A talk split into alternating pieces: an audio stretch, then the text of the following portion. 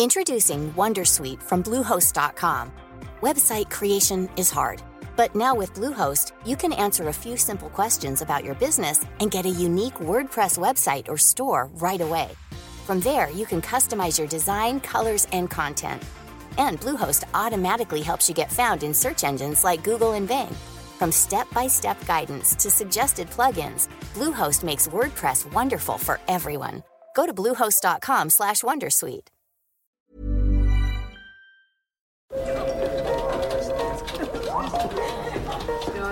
Dette er lyden av norsk næringsliv. Akkurat nå tas det små og store valg som kan bli avgjørende for fremtiden. Med økonomisystemet X-Leger tas disse beslutningene basert på informasjon i sanntid, slik at drømmer og ambisjoner kan bli virkelighet. Få kontroll og oversikt, gå inn på xledger.no. Denne sendingen er sponset av Xleger.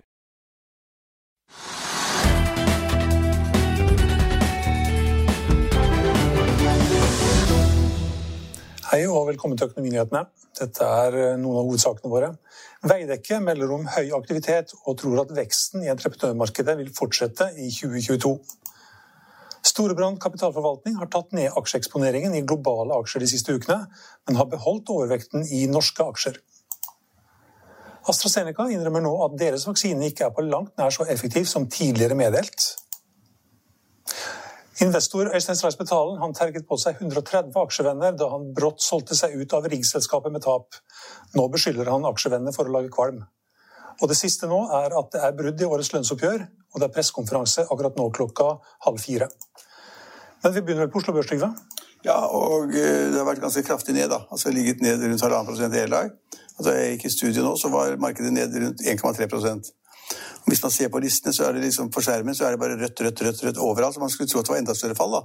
Eh, det er det jo ikke. og Kanskje har det sammenheng med det at eh, i USA i går så var Nasdaq-indeksen ned 2 Dow Jones nesten ikke, ja, lite, ikke så mye, men, men, markedet er litt ned. Det var ned ute, og så er det ned i Oslo nå. og og så kan du spørre, Hva kommer det av? Ja, for det første så ligger oljeprisen omtrent der hvor den lå. Så det er ikke oljeprisen som beskyver alt ned, tror jeg. Altså Oljeprisen ligger på rundt 62 dollar per fat. Brentoljen. Ser du at noen eh, disse nettstedene melder at det er ned sånn 2-3 fra i går. Ja, men det er litt ned, døgn, ja, men det er litt ned, men om det ligger på 62 eller 63 dollar det, Og så kom det mange rykter i går om at liksom da leveranser av olje ville stoppe helt opp. Fordi man hadde den der, øh, Hva skal vi kalle det? Det skipet, det skipet som ble liggende på tvers i Suezkanalen. Det, det, var selvfølgelig, men det, det sånt ordner de jo. Altså, ikke Klarer de ikke med fem taubåter, så var det 20 taubåter. Det, det ordnes i løpet av noen dager. Det er ikke sikkert det er fiksa før på mandag. Nei, nei, men det, det hoper seg opp noen båter i hver ende. Så, men, men man kan jo ikke sette da verdien på olje avhengig av det som skjer der. altså I løpet av tre eller fire eller fem dager, så det blir helt tullete. Men det er ikke bare noen båter. Nei. Det er liksom 130 tankere. Ja, jeg, jeg, trodde ikke så, jeg trodde ikke det var så mange tankskip. Det er veldig mye andre skip som går der også, da. Men jeg, jeg har sett iallfall det er 10-20 tankskip, da. Ja. Uh, 110-20 skip tror jeg var som var ja. ja, men, men det, mitt poeng er det at sånn litt analytisk, det er det at selv om du får en sånn forstyrrelse som det, da, en, markedet blir sånn uoversiktlig, så er det helt åpenbart at det vil ikke forandre de vesentlige linjene i, i tankfarten. Altså hvor mye olje som skal fraktes, og hvor mye folk kunder stort sett må betale for olje. Derfor ligger prisen da på 62-63. Vi kunne jo hoppet til 64-65. Det er ikke mange ukene siden vi var oppe i nesten 70. Mm. Så, så, 62 dollar på fat, og det har ikke påvirket noen ting.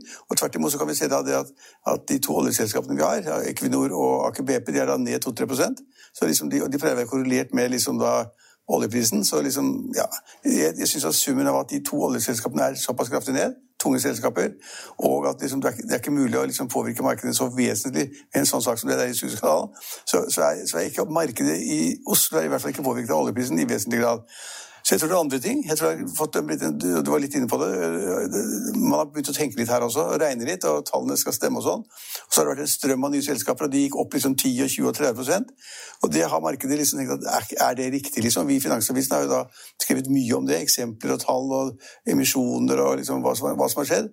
Jeg tror, jeg tror, kanskje, men jeg skal ikke overdrive hva vi gjør heller, men jeg tror kanskje det at det demrer for noen, eller ganske mange som har fått børs, at alt går ikke oppover. Det kommer korreksjoner, og det har vi sett. Selv Kahoot, altså et selskap som vi er litt fan av, tech-selskap, og som har en markedscap på 40-50 milliarder kroner. Er bare nesten ikke til å tro. De har en liten omsetning og lite overskudd. Men selv der så har markedet tatt det selskapet ned. Nå har jeg tall for akkurat noen uker så har det falt fra 130 kroner til 101 eller 102 kroner. Mm. Eh, og det er jo et kraftig fall. altså Det er liksom 25-30 Det er ned 6% i dag òg. Ja. Så et, et, selskap som er veldig populært, som er flinkt, som alle tror har, kommer til å ha en stor fremtid, og som kanskje blir kjøpt opp en eller annen gang Det ble, ble liksom for mye. Man gikk og gikk og gikk lynraskt. Og så har man tatt det ned fra 130 kroner til 100, 100 kroner per aksje. Det er et eksempel. altså Andre eksempler der vi har den Aker eh, Clean Hydrogenselskapet som de tok på børsen. Og i løpet av et par dager så sank jo aksjen som en sten fra, fra emisjonskursen. Og vi vet at det blir støttekjøpt massevis av aksjer fra Carnegie. Støttekjøpt og støttekjøpt og støttekjøpt. Og allikevel klarte de ikke å holde kursen.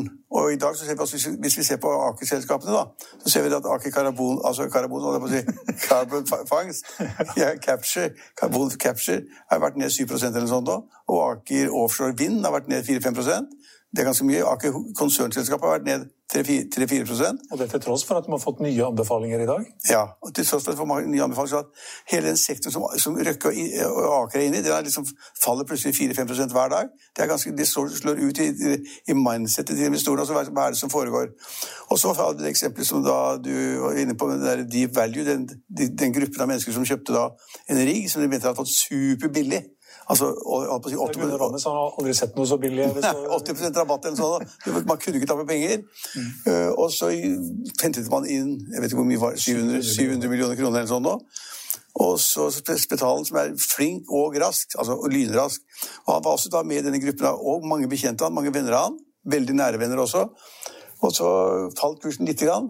Og da tenkte Spetalen at her kan jeg liksom tjene en million kroner eller, sånn, eller fem, eller hva det var. Her selger jeg med en gang. Så han solgte med en gang. men Alle de andre satt ved siden av måpe og visste ikke at Spetalen hadde solgt en gang. Så det kommer meldinger da om den type investor som er så proffe som det, går ut inn på en dag, så må man følge med som svinet. Og så jeg tror at Summen av alt dette er at de nye røkkeselskapene har på en måte feilet litt. Jeg tipper at det har vært ganske store støttekjøp i andre av de selskapene også. Uh, og da, ja, da, da, blir summen at, liksom, at, det er litt surt for tiden. Er ikke, nå er det ikke slik at alt går 20-30 med en gang. Det er ikke alle som tjener penger med en gang. Du må faktisk eie en liten stund. Og så må det være uh, et visst hold i det. Jeg snakket om det et par dager da du ikke var her. Det er også det der green, green minerals. som er da, sånn, altså, Seabird? Ja, så Det var et bitte selskap som holdt på konk, og så er det skilt ut derfra. Og så eier, da, eier Seabird da 77% av det. Men mitt poeng er det at Altså, man må tenke seg litt om. Det å skal lete etter mineraler på havdypet, veldig dypt utenfor Svalbard, det er ikke billig, og det tar tid. Altså, Det er bare så håpløst å tro at man, man, kan liksom sette sammen et selskap, si at man skal drive med da, mineralvirksomhet eller da, eh, gruvevirksomhet da, på havbunnen, og så tjene Det er ikke sånn det er. Vet du om at de finner noe? Nei, Jeg har ikke peiling. Jeg. Og Hvis de begynner å liksom, gruvevirksomhet på havbunnen, da ødelegger, ødelegger de mye rart? Kanskje. Kanskje ja. Ja. Men, men, men, jeg vet ikke om de har fått de rettighetene formelt til da, å lete der eller å grave der. Eller, ja, men, det, men det, er, liksom, det er ikke så raskt det går. Og det samme er det der hydrogenselskapet til Røkke ren hydrogen, altså ren grønn hydrogen. Og det, er kanskje, det er altså kanskje slik at hydrogen er noe alle vil satse på. I Tyskland satser de veldig på det. Selv, selv Erna Solberg har i Stortinget en debatt for noen måneder siden, husker jeg. snakket at liksom, vi i Norge vi er for hydrogen, og ja, det er gjerne, gjerne for meg. Men altså, skal man lage liksom ren hydrogen og skal man produsere ammoniakk altså, Skal man gjøre disse store tingene, så skal, så skal man kanskje investere 5 eller 10 eller 20 milliarder kroner før du ser en krone i inntekter. Altså, så jeg mener at, jeg håper da, i og med at vi er såpass konservative her, og, og vi ser tallene, så håper jeg at hvis man har fått noen må tenke seg om litt, stoppe opp litt. Det har vært litt for lett i en del selskaper. Noen har tatt en del gevinster og tjent penger. Andre har ikke fått være med, men nå må man tenke seg om og tenke på hva er sannsynligheten for at man klarer å få til et eller annet med disse pengene innen en rimelig tid. Og det er ikke noe rimelig tid hvis du må vente ti år før det kommer et produkt ti år. Altså, det er altså i dagens verden sånn disruptive world, altså hvor alt endres og, noe slås ut av, ut av, markedet og nye kommer. Så, så, det var kanskje et langt svar. Altså, markedet i dag er, det er stort sett bare rødt. Vi er halvannen prosent ned. Oljeprisen er omtrent der hvor den skal være. Uh, og så har man fått en tankevekker på en del av de nye selskapene da, på den nye børsen. Ja, hvis vi tar, La oss ta de, for de 50 mest omsatte i dag. da. Så er det Hydro som er 0,02 ja, Det er nesten ikke med engang.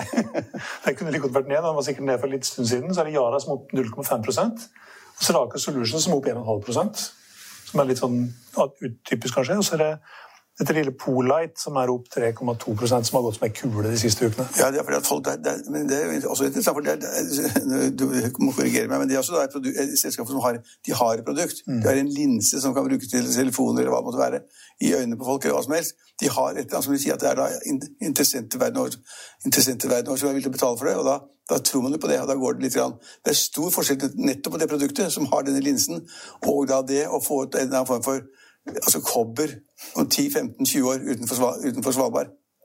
It's a big difference. Hvis det er kobber der, da. Ja, hvis det er kobber der. Men, men, men vet du hva komplisert det er å bygge rigger, produksjonsrigger for å få opp olje og gass? Det har man da brukt fra 60-årene til nå. altså Det er ganske lang tid. For å bli kanskje verdens beste på det, å kunne da lete, sette sammen og produsere etterpå. Og så skal man da begynne med, begynne med, med, med såkalt grønn gruvedrift utenfor Svalbard. Da blir jeg skeptisk. Det kan godt tenkes at det lykkes, men da, da sitter ikke jeg her og kommenterer. Det er så lenge til. Men litt, litt tilbake til denne Deep Value Driller. Denne riggen. Det er én rigg. Ja, det er én rigg. Men når, når Spetalen da plutselig selger alt og tar et tap på en million siden, mm. hva tror du de andre investorene tenker da? Altså Ikke bare de der vennene hans, men alle andre? Altså Vennene hans er jo kjempesure. Ja. Det kan jeg faktisk forstå. litt. Grann. På den annen side så må de respektere at Spetalen er den han er. Så hvis han er med en gruppe som går inn, så har de sett på de samme prospektene sannsynligvis. Brukt samme regnemodeller og funnet ut hva det er. Og, og, og da har de blitt litt, sånn, litt entusiastiske som gruppe. Da går vi inn der, Kar. Vi tar liksom, du tar 20 millioner, jeg tar 50 millioner, 100 millioner. Og så, så har han sett liksom at det ble ikke full fart på børsen med en gang. Det ble ikke full fyr. Og så venta litt, og da så tenker han at dette går ikke. Da skal han gå ut. Profesjonell investor skal jo gå ut. Så han ble, jeg tror ble ganske sur over at de andre ble sure på han. Men jeg mener at liksom, det er de andre, den, den, store gruppen som tror at det at Spetalen er med, dem vil alt være gull, og vil, alle vil tjene penger. Det, det, altså det, sånn kan de ikke tenke. Og så kan du egentlig ikke bli sure på en investor som går ut og sikrer en gevinst på en million. Det er En million. Eller tok et tap på en million, faktisk. Hva? Eller tok et tap på en million, faktisk. For eksempel. Det var vel det han sa at han gjorde? Ja, jeg, jeg trodde han kanskje han tok en million. Han tok et tap en million, det sa han også kanskje, ja. ja.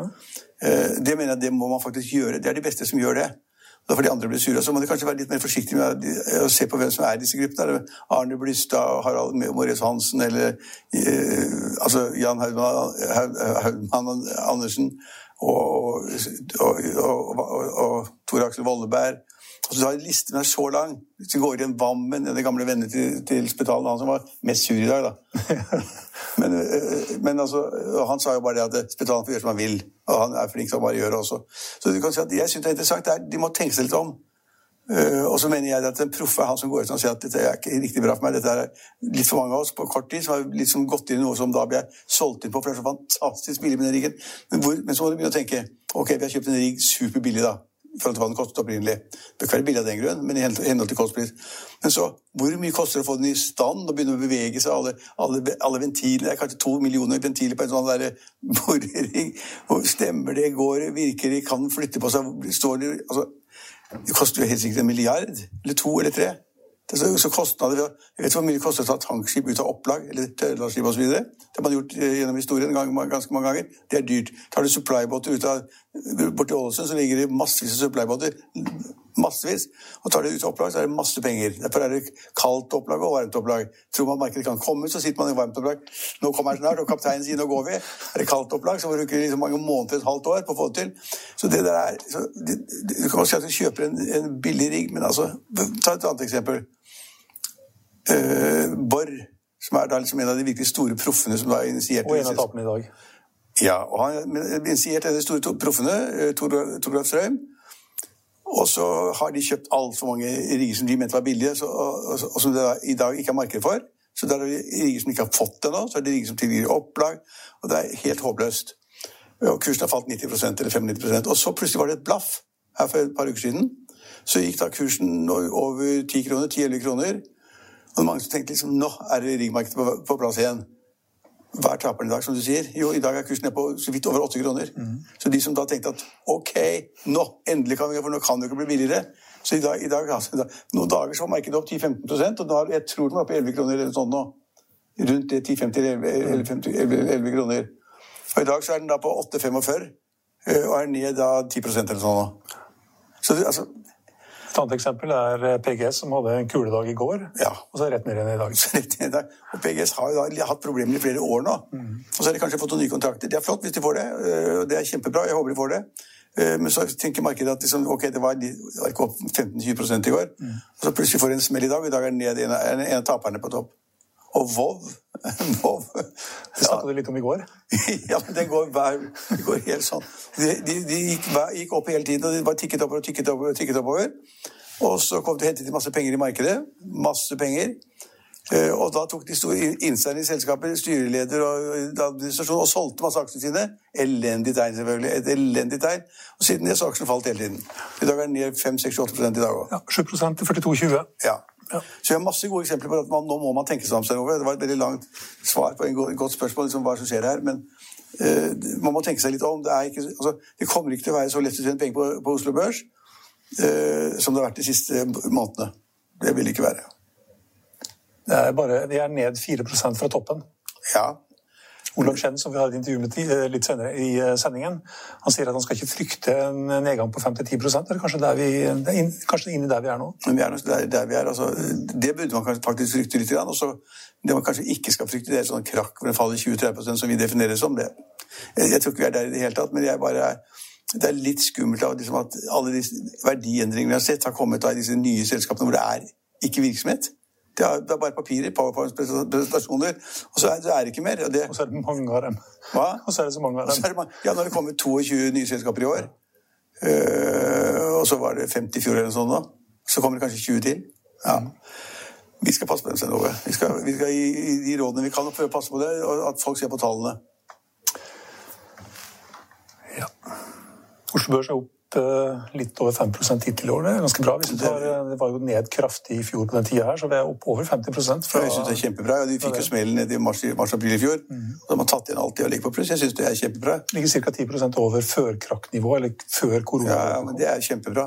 Men det kommer også at Vi har mye spennende nye selskaper. Vi har ting som gjør, ting som, altså investormiljøer som gjør ting som er bra. Men det er bare at det har gått for fort. Og Da går det ned, og Kahoot er jo da, synes jeg, som er et programvareselskap for læring og quiz eller hva måtte være. Og som er priset til 45 milliarder kroner. 45 milliarder kroner, det er jo det er så mye penger, som noe. Det er mye. Det er mer enn Nell òg. ja, ja, men det er så mye penger. Det er klart, da det bare gikk oppover hele tiden, så, så, tenkte, så må man liksom tenke seg om. Og den har, nå er den fattig tilbake. Det betyr, det betyr ikke at den ikke kan komme tilbake igjen i markedet, men man må, man må faktisk tenke seg om.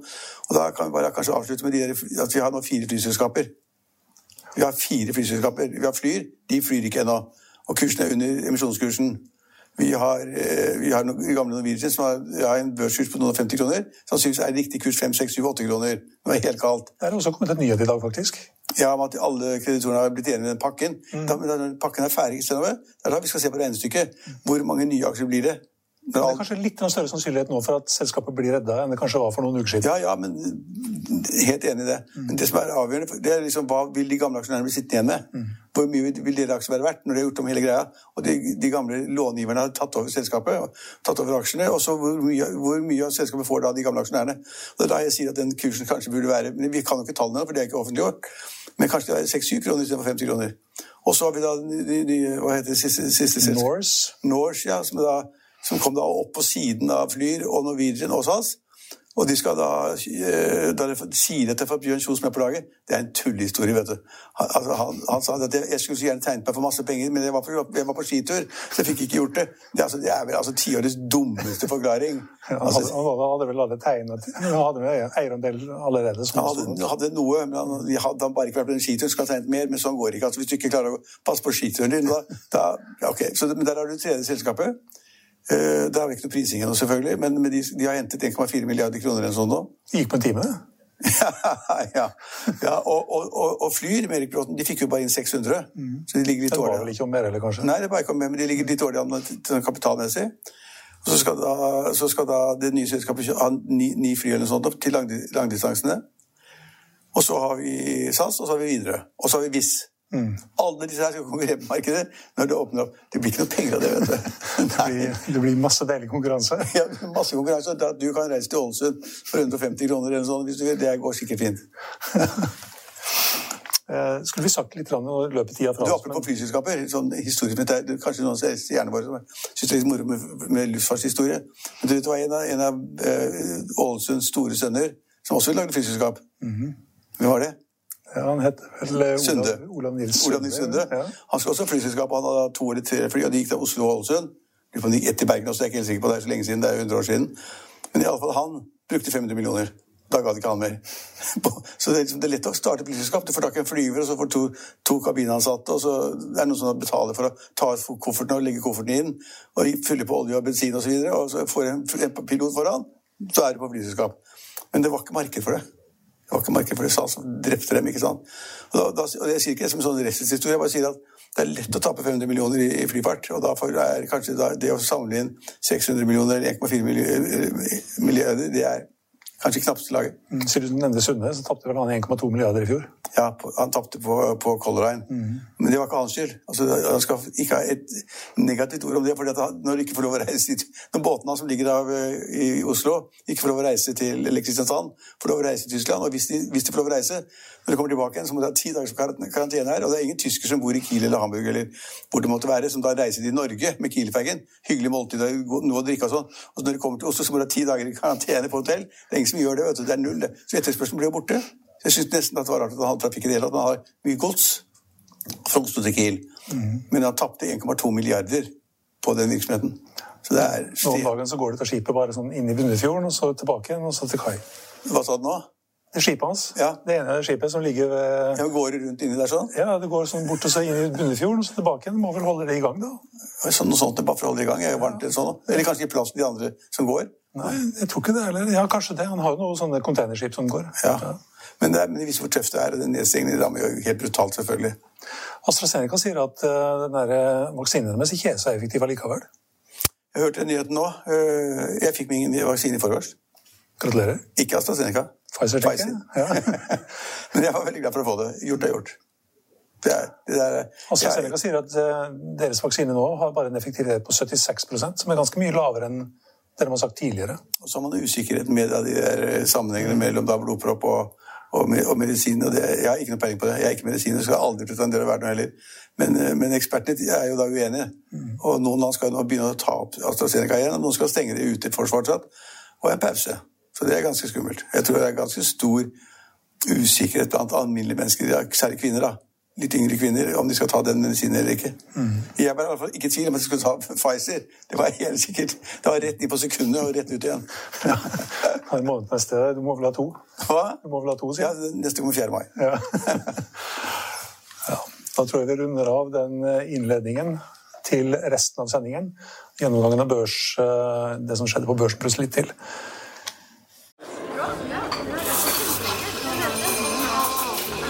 Dette er lyden av norsk næringsliv. Akkurat nå tas det små og store valg som kan bli avgjørende for fremtiden. Med økonomisystemet X-Ledger tas disse beslutningene basert på informasjon i sanntid, slik at drømmer og ambisjoner kan bli virkelighet. Få kontroll og oversikt, gå inn på xledger.no. Denne episoden er sponset av van Brun, en fremtredende smykkeforhandler kjent for sitt brede utvalg av forlovelsesringer, gifteringer og diamantsmykker som bæres og elskes i generasjoner. Et frieri er en av de største øyeblikkene i livet, hvor forlovelsesringen er et tidløst symbol på kjærligheten. Valg av ring krever omtanke for både hvilket metall og diamant, med et bredt spekter av både naturlige og labdyrkede diamanter, og metaller som platina, gult gull, hvitt gull og roségull, hjelper de deg med å sette et personlig preg på din kjærlighetshistorie. Van Brun vil gjerne invitere deg til å prøve på tre av dine favorittringer fra nettsiden helt kostnadsfritt. Du kan også låne et bredt spekter av frieriringer, slik at du og din forlovede kan velge en ring sammen etter det store ja. Van Brun tilbyr 90 dagers åpent kjøp og 90 dagers gratis størrelsesjustering. Utforsk deres eksklusive sortiment i luksuriøse omgivelser. Bok en konsultasjon sammen med en diamantekspert i deres showroom i Oslo. Eller online på vanbrun.com. V-a-n-b-r-u-u-n.com. Storebrand kapitalforvaltning har tatt ned aksjeeksponeringen globalt de siste ukene, men har holdt overvekten i norske aksjer. Hovedindeksen på Oslo Børs ligger eh, 7% høyere enn ved nyttår og har eh, steget 10% over nivået fra før koronakrisen. Og bare den siste måneden har det hatt all time high på Oslo Børs 15 ganger. Har dette gjort noe med markedssynet ditt? Det har gjort noe med markedssynet for globale aksjer, at aksjemarkedet har steget uh, videre. Uh, um, vi har jo vært i det store og hele vært overvektet aksjer helt siden mars i fjor, med unntak av en måned rett før valget i oktober i fjor. Men de siste ukene har vi faktisk tatt ned aksjeeksponeringen betydelig, men da spesielt i globale aksjer. Og så har vi vridd eksponeringen faktisk mot norske aksjer. Så vi har fortsatt overvektet norske aksjer. Ehm, vi som mange andre har vel favorisert eh, såkalte verdiaksjer noe. Eh, noe som vi har eh, tiltet vår portefølje helt siden november og egentlig holdt på. Så vi, vi har egentlig tatt av eksponering i globale aksjer ganske mye de siste ukene. Nærmer oss en normalvekt. Tatt litt profit der. Det har jo gått det er jo nesten eh, nøyaktig ett år siden bunnen eh, i fjor. Det har jo gått 70% i globale aksjer, svenske aksjer og aksjer i fremvoksende og over 60% i norske aksjer. Så det er naturlig å ta litt gevinst, eh, men vi holder fortsatt en, på en overvekt i norske aksjer. Det er fordi vi tror på en gjenåpning eh, som vil komme eh, i andre halvår, med akselerering i den økonomiske veksten, spesielt i USA. Det vil føre til også mer eh, reiser i form av både flyreiser, men også eh, biltrafikk f.eks. i USA, som vil føre til mer etterspørsel etter olje. Oljeprisene har jo mer enn doblet seg siden mai i fjor. Så vi, vi, vi, vi er tiltet mer mot uh, norske aksjer nå enn det vi har vært tidligere. Ja, hele intervjuet med Olav Chen, der han også svarer på spørsmål om bitcoin, det finner du på våre TV-sider på finansavisen.no. Veidekke tror at veksten i entreprenørmarkedet vil fortsette fra et høyt nivå også i 2022. Kristoffer Eide Hoen, analysesjef i Veidekke. Dere er ute med en ny markedsrapport. og Kan du fortelle oss litt, Hva er hovedelementene i denne rapporten, og ser dere noen store utslag eller endringer fra forrige rapport? Ja, fokus i, i, rapporten vår det er jo det skandinaviske entreprenørmarkedet. Det er jo Veidekkes eh, marked, og, og, også markedet til våre kollegaer på, på børsen innenfor bygg- og anleggssektoren. Så, så, det er jo på en måte den servicen vi, vi, prøver å gi med rapporten, og si noe om status og utsikter innenfor eh, dette området. Eh, sammenlignet med forrige gang så er vi vel eh, hakket mer optimister. Har eh, oppjustert prognosene våre, eh, ikke minst innenfor boligsektoren eh, for 2021. Og Hva kan du si om boligsektoren fra Veidekkes ståsted? Jeg, jeg, kan jo si at da vi, da vi, eh, vurderte dette for et år siden, i, i mars, i lys av korona og situasjonen da, så så, så jo dette ganske svart ut. Vi, vi, trodde at denne sektoren kom til å bli veldig hardt rammet. Eh, så vet vi jo alle et år etterpå at, at sånn har det ikke gått. Det begynte vi i bruktboligmarkedet med, med kraftig prisoppgang.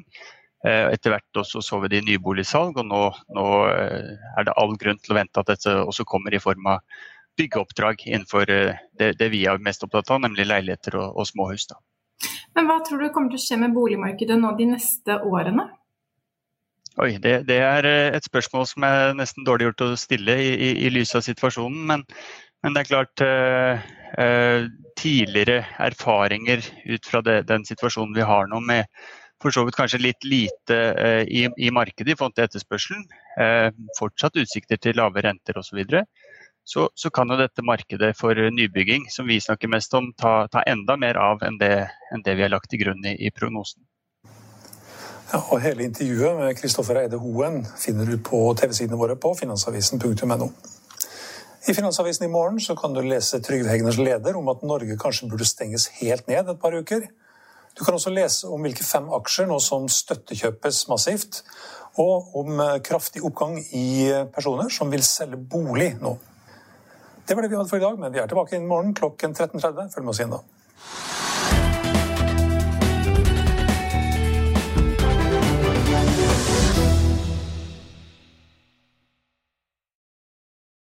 Denne sendingen er sponset av Xleger.